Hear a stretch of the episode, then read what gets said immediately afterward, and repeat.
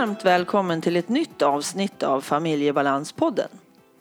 Avsnittet görs i samarbete med Comicap, ett hjälpmedelsföretag som vill genom mötet med människor förmedla kunskap, väcka nyfikenhet och visa på behovet av kognitiva hjälpmedel och sinnesstimulerande produkter. Du hittar dem på comicap.se.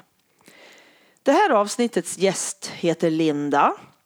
Hon är förälder till barn med MPF och hon kommer att berätta om en väldigt svår skolsituation och eh, hur de har löst det nu inför hösten för hennes barn. Sist i avsnittet så kommer boktipset. Ann-Katrin Noreliusson heter jag som driver den här podden.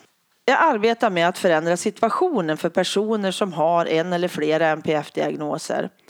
Och det gör jag genom att coacha individen, jag handleder personalgrupper, han leder chefer och jag föreläser inom NPF. Allt för att förändra så att det ska bli så bra som möjligt för de människor som jag företräder. Under hösten 2018 så kommer du som är anhörig till någon med tvångssyndrom, OCD, att få möjlighet att gå min onlinekurs. Att vara anhörig till någon med OCD är ofta väldigt jobbigt och krävande och du behöver kunskap för att inte förvärra symptomen. Allt sker online så du kan vara delaktig även om du bor på andra sidan jorden. Och du som vill veta mer, ändra skickar du mig ett meddelande på Familjebalans Facebook-sida. Du kan skicka ett mejl till info familjebalans.se eller går in på min hemsida familjebalans.se.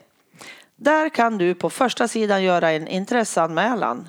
Eller du klickar på länken på första sidan och eh, där kommer du att få lägga in din adress och så. Så då ser jag att du är intresserad och du kommer att få information om webbkursen. Och vad du än vill berätta, både ris och ros, så gör det gärna på samma mejladress info familjebalans.se Eller om du vill gå in på Familjebalanspodden på Facebook så kan du skriva där också.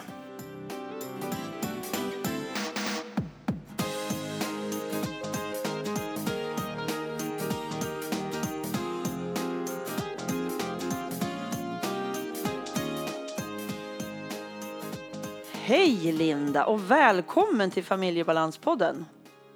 Tack Ann-Katrin.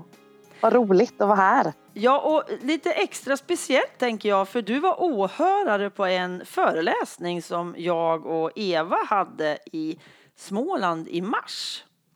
Precis. Och fick jättemycket fina tips och, och tankar efter den föreläsningen. Det var ett riktigt wake-up call för mig.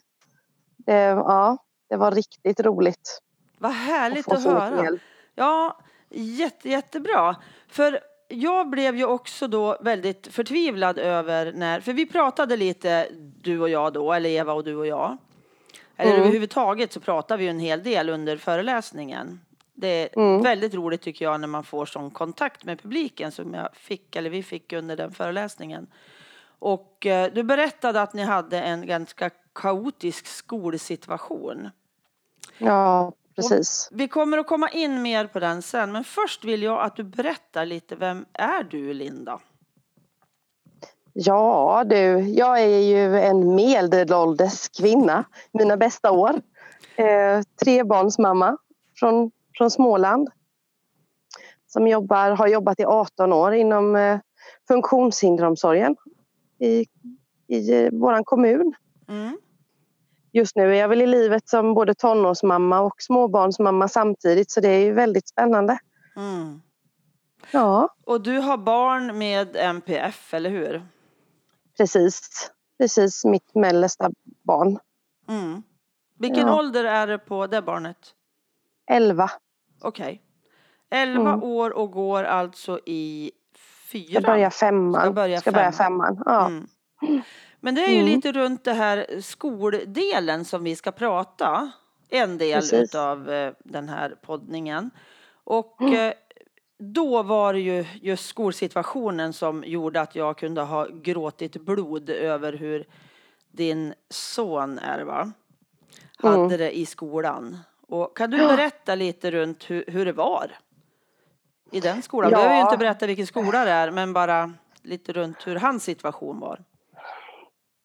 Hans situation har varit väldigt jobbig. Ehm, han har ju ehm, inte funnit ro, han har vandrat. Han, eh, och det har väl mestadels relaterat till då att han har blivit ehm, ja, tillsagd att han ska skärpa sig, han ska eh, lägga av. Och, eh, hans livlina har ju alltid varit hans telefon till exempel. Så att han har ju kontaktat mig via eh, sms, samtal flera, flera gånger om dagen Mm. för att han inte vill vara i skolan. Han trivs inte i skolan och mår väldigt dåligt i skolan. Men du, Ehm. var det de vuxna som sa det här eller var det de andra barnen, alltså eleverna i klassen? De vuxna. Okej. Det har kommit från vuxna. Ja. Sen ska jag inte säga för att det har funnits en fantastisk eh, pedagog som verkligen har, eh, har försökt på alla sätt och vis. Men eh, hon säger samma som jag, det räcker inte till. Nej. Ehm, nej. Nej, Och det men, har varit, mm. ja det har varit liksom, ja vad ska man säga, det har väl känt sig um, instängd många gånger. Mm. Mm. Nej, och jag tänker, min, min första tanke blir ju just det här att det räcker ju inte med att en pedagog i skolan är insatt. Nej precis. Utan hela skolan måste ha kunskapen. Så är det ju. Absolut. Och Absolut. det behöver ju komma högt ifrån, tänker jag. Att Mm. i den här Mm. kommunen behöver vi ta tag i det här och göra Mm. saker Precis. för att alla ska orka vara i skolan. Mm. Absolut. Och det räcker inte eh, som pedagog. Jag vet, vi hade det väldigt bra eh, ettan till trean. Eh, då det har varit samma pedagog och som har jobbat jättebra med min son. Mm.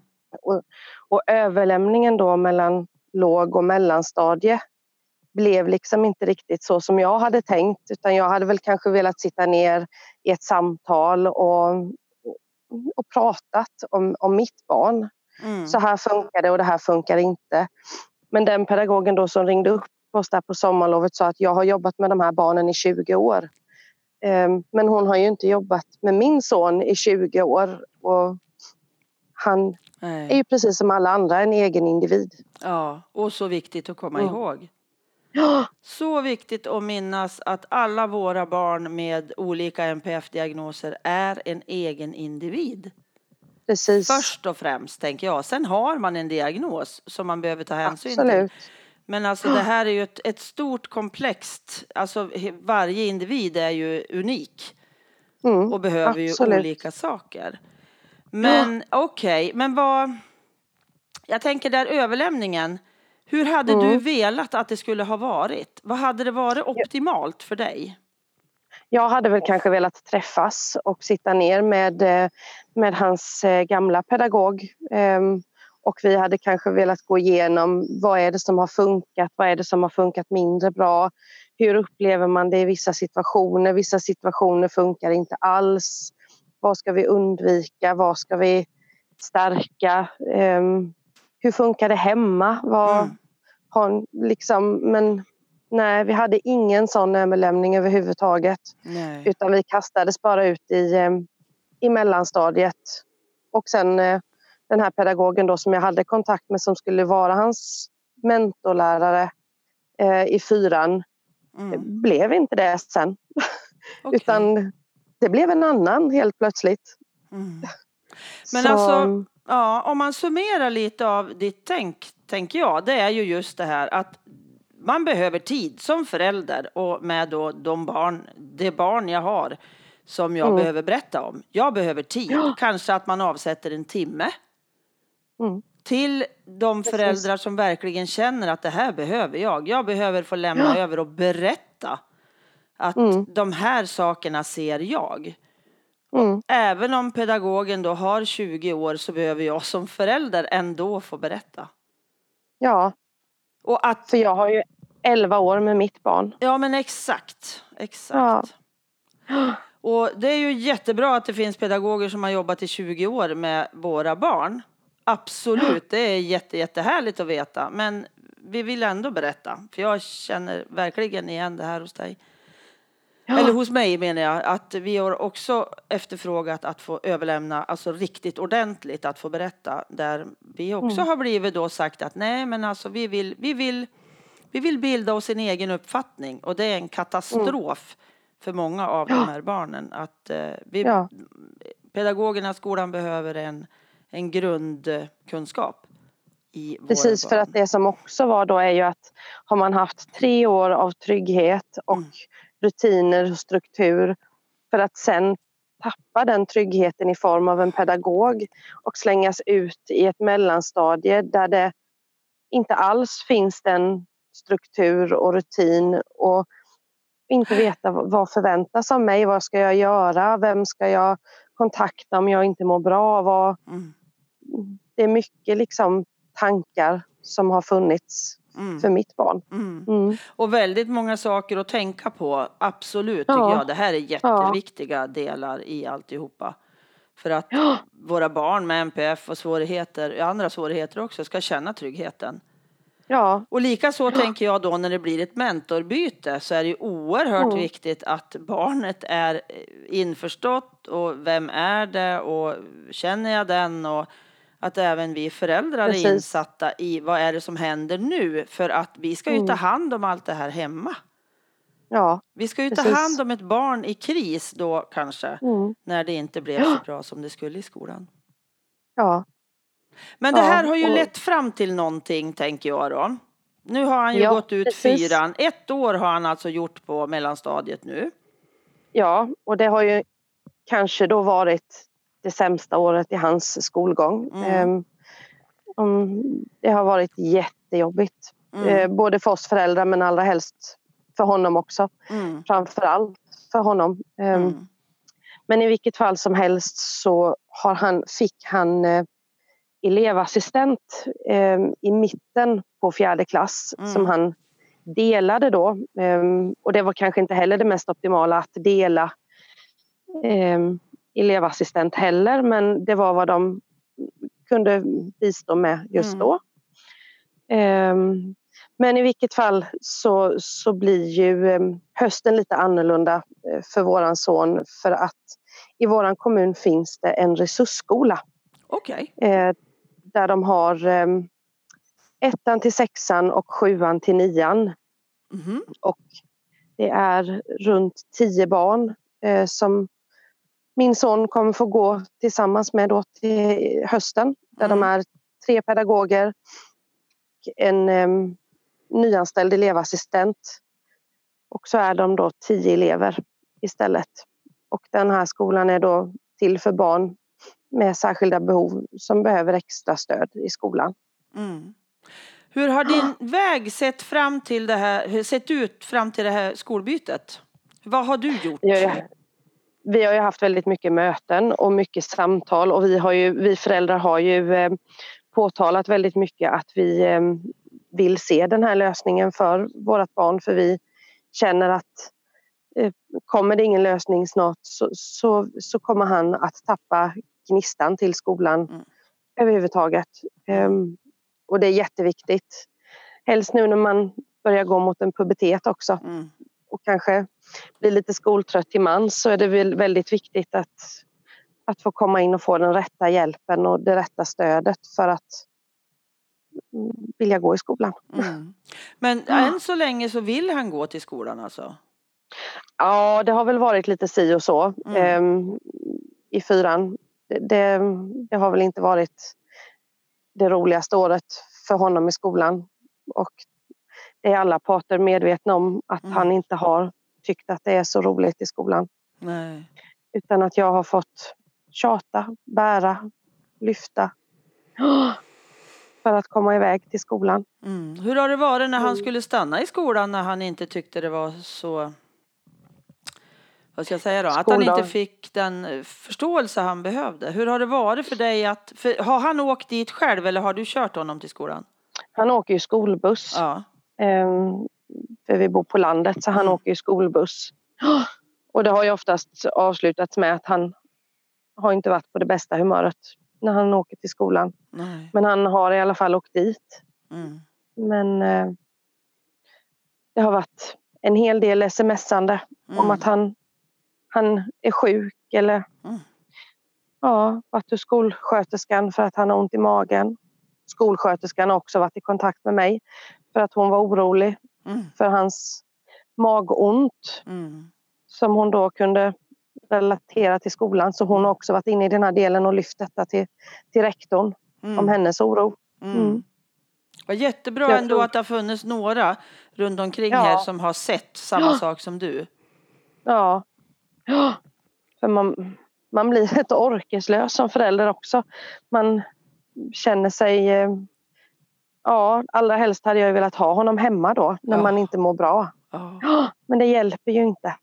Nej, det gör ju inte det i längden och det är ju faktiskt den, den, alltså, den vardagen han ska leva i under dagtid behöver ju fungera. Så är det ju bara. Ja, Och jag tänker Ja. på det här då att hur många det är av våra barn med någon NPF-diagnos som är helt, deras batteri är ju helt tömt innan de ens kommer till skolan. Precis. För att det är så Det kan- mycket slit. Det kan jag ju säga också då att ehm, man, man, när man- ehm, har de här problemen i skolan som vi har haft eller bekymren eller så, så, så tar man ju reda på väldigt mycket Mm. ehm, runt omkring. Och en sån sak som, som han fick då anpassad var ju anpassad studiegång. Mhm. Ehm, Att han hade inga långdagar till exempel. Nej. Många elever går ju då från 10 över 8 till, till klockan 10 över 3 två dagar i veckan. Mm. Medan våran son åker skolbussen 10 över 7 på morgonen så hans dagar blir väldigt långa. Mm. Så vid 10 över 3 så var han ju rätt tömd Mm. och då fick han en gång i veckan anpassad studiegång så att han slutade 20 över 1 den dagen istället. Mm. Ehm, för att sista lektionen på, på den dagen var en idrottslektion och idrott är inte det mest fungerande ämnet för Nej. min son. Nej, Och ganska likt för många andra också faktiskt. Ja. ja. och helst inte då efter en lång dag och ha det som sista lektion. När, när batteriet som du säger är tömt. Nej, och när batteriet nästan var helt tömt innan han ens for till skolan, tänker jag. Precis. För, det, för många har ju också ganska dålig sömn. Så att batteriet är inte alldeles knökfullt på morgonen när de vaknar. Utan Nej. det är lite halvt, ja, lite, lite dåligt fyllt om man säger så under natten också. Ja. Precis. Men när du, hur, hur, hur gick du tillväga för att hitta den här skolan? Visste du om den innan den här Den här skolan har jag ju vetat om innan. Eh, tyvärr ska jag väl säga så är det väl så att eh, den här skolan har väl ett väldigt oförtjänat dåligt rykte och jag tror Mhm. att det är många föräldrar som, som, eh, som inte har kunskap om hur en sån här resursskola fungerar.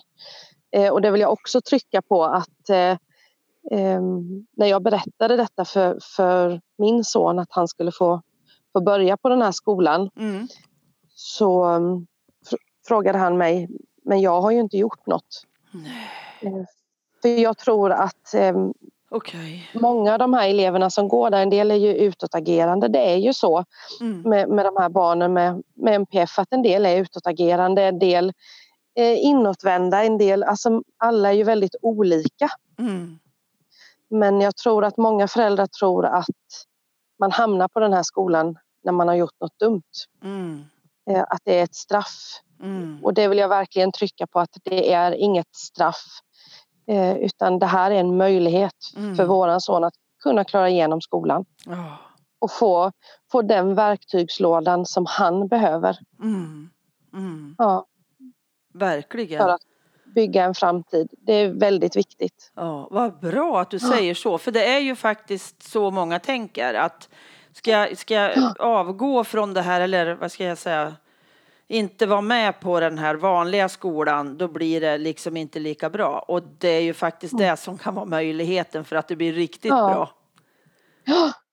För jag tänker att även om man inte har barn med någon diagnos. Mm. Så vilken förälder skulle inte vilja att ett barn gick i en klass på tio elever med tre lärare? Mm. Det är ju fantastiskt. Mm. Eh, Som hans skolsituation ser ut idag så är de 68 elever på tre lärare. Åh. Ja, Det- Så de är uppdelade i tre grupper. Mm. Så att det blir ju jätteskillnad för honom. Mm. Ja, bara den mängden människor, alltså 68 Precis. elever där det antagligen finns en hel drös fler som har någon NPF-diagnos. Alltså det är rörigt Ja. så det, ja, och inte strukturen som behövs. Nej, Och dessutom så har de ju också en ombyggnation av sonens skola eh, så att det finns ingen skolgård att, att springa av sig sin energi på på rasterna. Okej. Nej, utan det är en byggarbetsplats Ja. just nu. ja, men precis. Ja, vad olyckligt. För de Mm. barn som, som inte funkar i sådana miljöer så blir det ju Ja. riktigt dåligt. An, många alldeles vanliga barn, om man säger så, lagoma barn, klarar ju säkert det. Men Ja. våra barn gör ju inte det. Nej, Det kanske Nej. skulle ha varit en uppdelning på ett annat sätt överhuvudtaget på den skolan. ja, Men jag hoppas att de har lyssnat på dig också i framtiden. För du har Mm. ju säkert framfört vad du tycker, förstår jag. absolut. Ja, och det är absolut. ju jätteviktigt för dem att få veta, tänker jag. Ja, Att bara höra de positiva sakerna hjälper ju inte en framåt heller. Man måste ju lyssna på båda delarna liksom. Bägge sidorna, både det positiva och negativa i Ja. skolvärlden för att förstå hur man måste förändra. mm. så Vilken är det. tur att det finns sådana som du, hör du. Jag hade väl önskat, ja det var ju snällt. Jag hade väl önskat mer utbildning eh, till pedagogerna på skolan. För så som jag har uppfattat det eh, nu så har, eh, har det funnits utbildning i NPF och, och kring autism och så här. Men det har riktat sig till elevassistenterna eh, och Mhm. sen har de fått vidarebefordra det Mm. till pedagogerna och det är inte bra. Det funkar inte så. Det gör Nej. inte det. Alla måste ha den egna utbildningen, sin egen resa och personliga utveckling också, tänker jag. I, för det är ju inte bara att ta in att ja, men man gör så här och så här och så här. Jag måste ju titta på mig själv samtidigt. Ja, precis. Vem är jag i, i, i en pedagogsituation? Vad gör jag för någonting? Och man måste Ja. vara ganska duktig på att våga kliva ur sin egen komfortabla zon. Jag måste våga och gå utanför för att bli en riktigt duktig pedagog, tänker jag. Om, det, om jag Mm. inte har en, en naturlig fallenhet då såklart, för det finns ju massor med duktiga både pedagoger, specialpedagoger, Absolut. assistenter och så. Absolut. Det, det är ingenting Absolut. som säger i vårt samtal nu att det är så här överallt och hela tiden. Nej, nej, nej. Utan att... Det är absolut inte. Det man känner lite som vi har råkat ut mycket för eh, är ju alla de här em, em, felstegen som har blivit många gånger där, där vårat barn har, har blivit ledsen eller han har känt sig orättvist behandlad och man framför detta för att många gånger så har det varit väldigt tokigt och man får då bara till svar vi tar lärdom av detta. Men jag vill inte att man tar lärdom av att göra någon annan ledsen eller kränkt Nej. utan då får man faktiskt läsa på kring eh, saker och ting och, och tänka till en gång Mm. extra. Mm, Eller Precis. kontakta oss föräldrar mm, som vet ofta hur det funkar. mm. Men Mm. alltså en riktigt bra överlämning är ju liksom A och O tänker jag. Och Ja, att du, all personal är utbildad inom MPF. Mm. Inom Ja. alla delar av MPF är ju liksom Ja, det är grunden i alltihopa. Och, och jag tänker Ja. så här, för ofta är det ju så här, om jag har en riktigt bra baskunskap om hur hela skolan ska se ut, då gagnar Mm. det ju alla. ja, Alla kommer ju, kommer ju det till godo. Alla elever får ju det bättre. Så det är ingenting Mm. som man, för många gånger tror jag eh, föräldrar till barn som inte har en diagnos känner att ja men vad fasiken ska vi satsa på de här nu igen? Det är ju bara de Mm. som får. Men det kommer ju alla till godo så det spelar ju liksom ingen roll tänker jag. Eller det spelar jättestor roll. Det är det viktigaste. Jag tänker lite eh, om man ska se som det har varit nu så har ju, har ju min son suttit väldigt mycket ensam Mm. eh, i grupprum för att han inte har klarat av klassrumsmiljön. Mm. Eh, jag tänker lite på min tid, nu är jag ju eh, väldigt gammal, men då hade man mindre grupper. Mm. Eh, alltså, man plockade ihop kanske en grupp på fem, sex stycken elever som fick sitta i ett grupprum och då behövde ingen känna sig, förstår du, utpekad. Nej. Eh, för att alla, men det blev smågrupper och mm, jag, jag tänker att många vinner på det. Mm. Mm. Absolut, absolut. Jag tror, jag tror vi behöver det. Ja, Mycket mer än vad vi tror. För det känner man ju Ja. själv. Jag blir ju jättetrött av att vara i stora sammanhang. Med, om jag skulle vara med alltså 30, 40, 50, 60 personer hela tiden. Jag skulle vara helt slut varje dag. Mm. Totalt Ja. tömd innan lunch. Mm. Och alltså hur många orkar det? Det går ju Nej. inte. Det funkar inte. Vi människor är inte så enorma gruppvarelser, även om vi är gruppvarelser. Men alltså, vi behöver inte så många. nej, absolut inte. Nej. Nej. Nej. Men vi ska gå vidare lite och jag skulle vilja höra lite grann, hur funkar sommarlov hos er? Hur Ja. gör ni? Och vad, liksom, hur går det till? För det var väldigt kaotiskt hos oss i några veckor Ja. innan liksom, sommarlovet hade blivit en vana. Det var lika jobbigt att byta till det. Hur gör ni? Ja, mycket planering. Mm. Eh, väldigt mycket planering. Första veckan eh, ska jag väl erkänna eh, var jag väldigt ostrukturerad. För att en annan tycker det var bara skönt att slippa tänka tider och, och tänka läxor. Och, eh, så den veckan var väl väldigt jobbig. Eh, Mm. Allra helst för min son som inte visste riktigt vad han skulle hitta på för någonting. Eh, så sommarlovet är väl i sig kanske inte semester som, som vi tänker semester. Nej. Att man kan sola och bada och göra som man vill för att man måste ändå ha en basstruktur Mm. och rutin i allt Mm. som man gör. Ehm, nu åker vi på semester här i, imorgon och den här semestern har vi ju planerat länge. Mm. Ehm, vart vi ska åka, var vi ska bo, var vi ska äta, vilka platser vi ska besöka. Ehm, Så Mm. att det är, väldigt uppstrukturerat. Mm. Andra människor kanske tycker att det är väldigt tråkigt men det är så vi har det. Mm. Mm. Och, alltså jätteviktigt för att det ska bli så bra som möjligt för allihopa tänker jag. Ja, Men hur, Ja. hur gör ni då när ni planerar? Sitter ni liksom och tittar på nätet hur det ser ut på platsen ni ska till? Och, eller hur gör Mm. ni? Berätta. ja precis, precis så gör vi. Mm. Ehm, vi, vi ehm, nu ska vi till Köpenhamn till exempel Mm. och där har barnen då fått titta lite vad det, om det är något speciellt de vill se och vi går in och tittar hur det ser ut på de olika platserna och de har fått välja på två olika nöjesfält då utifrån hur de tycker att det ser ut. Så det är väldigt mycket de som, som styr själva semestern. Mm. Och, ja, Väldigt Det- klokt tycker jag. ja, ja. Det är väldigt skönt också. Då blir det i alla fall som de vill ha det. Ja, och, och jag tänker så här, alltså det är jätteofta tror jag att föräldrarna bestämmer och hit ska vi åka och det här ska vi göra och bla bla bla. Och så blir man Mm. besviken när barnen inte tycker det är alldeles fantastiskt. Ja, Alltså självklart så blir ju det jättekonstigt om man inte då Ja. som barn har fått vara med och tycka i det jag kan Ja. få tycka. Ja. Jag Ja. tycker det är en självklarhet faktiskt. För det Ja. blir ju så bra, mycket bättre för allihopa. ja.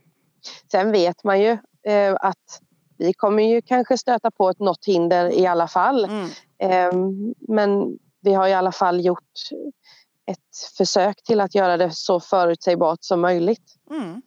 Ja, men jag tänker så också, just det här, ni, ni har ju gjort ert allra bästa. Ja, Och det är ju en väldigt bra bit på väg, tänker jag. Alltså, Ja. det, kaos och, och kalabalik blir det ju oftast ändå. Av andra saker som jag inte kan styra över då som förälder eller barn. Men Mm. ni gör ju absolut det bästa ni kan. Och Och det är ja. väl gott nog, tänker jag. Ja.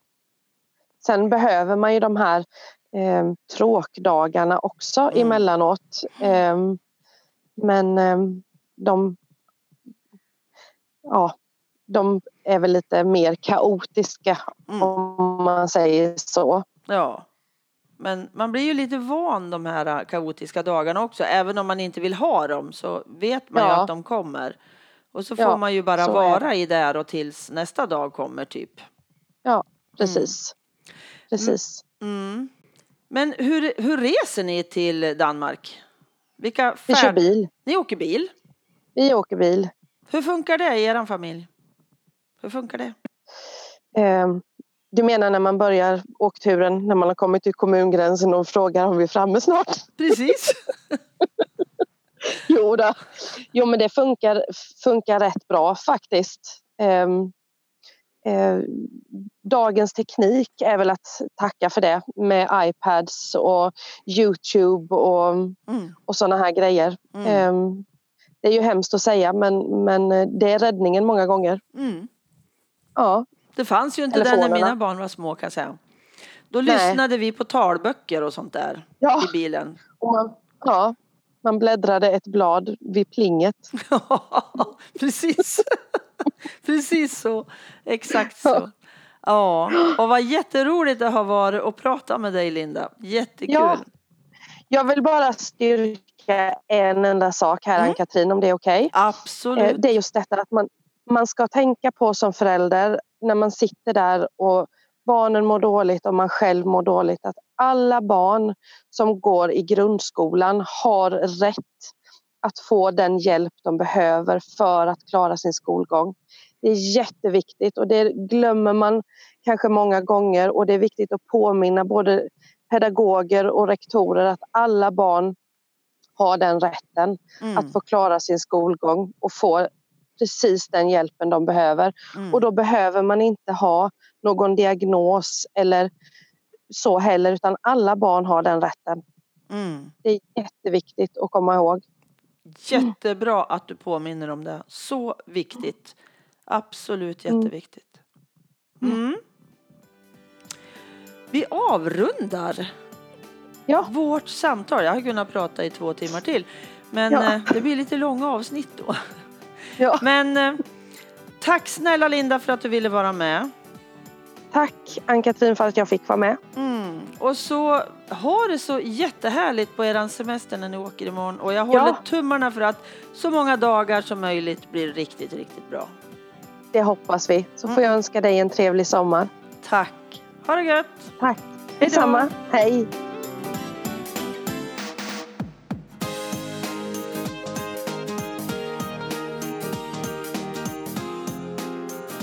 Inför skolstarten att tänka på. Jag tycker skolan ska bjuda in de föräldrar som vill berätta om hur deras barn fungerar. Speciellt för de föräldrar som har barn med NPF är det oerhört viktigt att det blir en riktigt bra skolstart. Det är viktigt för alla barn men det är ofta så stora svårigheter när man kanske kommer till en ny skola, man har nya klasskamrater då behöver de barnen verkligen en riktigt, riktigt bra start. Och det börjar ofta med att föräldrarna faktiskt får berätta om vilket barn, vilken ungdom som kommer till skolan. Så ta hjälp av föräldrarna. Finns föräldrarna med, då är hälften vunnet faktiskt. Och hur har ni gjort tidigare? Hur blev det då? Och ändra allt som inte funkade. Oron är ofta väldigt stor inför skolstart för de som har en NPF-diagnos. Alla barn och unga behöver en vardag som är anpassad efter deras behov. Och tänk på att batterierna, då säger jag batterierna inom citationstecken, de är kanske bara halvfulla när barnet kommer till skolan på morgonen. Och det är inte meningen att de ska tömmas fullständigt kanske innan första lektionen är slut. Så tänk på det. De här barnen har ofta bara ett halvfullt batteri när de kommer. Det har ofta hänt väldigt mycket på morgonen innan de ens kommer till skolan. Och kom ihåg även en annan sak. NP-diagnoserna finns även hos flickorna fast det ser helt annorlunda ut väldigt ofta. Boktipset. I det här avsnittet så berättar jag om beteendeproblem i skolan. Bo Heilskov Elven är det som har skrivit den boken. Och så här står det om den. Konflikter och beteendeproblem kan stå i vägen för lärarens arbete och elevernas inlärning. Den här boken visar hur skolpersonal kan tänka och agera i mötet med elever i en mängd utmanande situationer. Metoderna utgår från förhållningssättet lågaffektivt bemötande och handlar bland annat om att anpassa krav samt hantera konflikter och fysiskt våld. Författaren tar avstamp i exempel från skolans vardag, kopplar dem till forskning och beskriver elva praktiska principer som personal kan utgå ifrån för att förebygga och lösa beteendeproblem. Här finns också konkreta handlingsplaner för hur du ska göra när en konflikt är på gång samt studiematerial som fördjupar bokens olika avsnitt. Boken riktar sig till alla som arbetar elevnära i en skolverksamhet som lärare, speciallärare, elevassistenter, fritidspersonal och skolledare och kan användas från förskolan till gymnasiet. Tack för att du lyssnat. Tack till Pelle Zetterberg för musiken, till Pernilla Wahlman som fotade, till Marcus som fixade poddloggan och tack till Anders för att du redigerar mitt prat. Och tack till Kommer ikapp för samarbetet. Gå gärna in på Familjebalanspoddens Facebook-sida och lämna en recension. Det är sånt som gör mig jätteglad. Hoppas vi hörs igen. Hej då!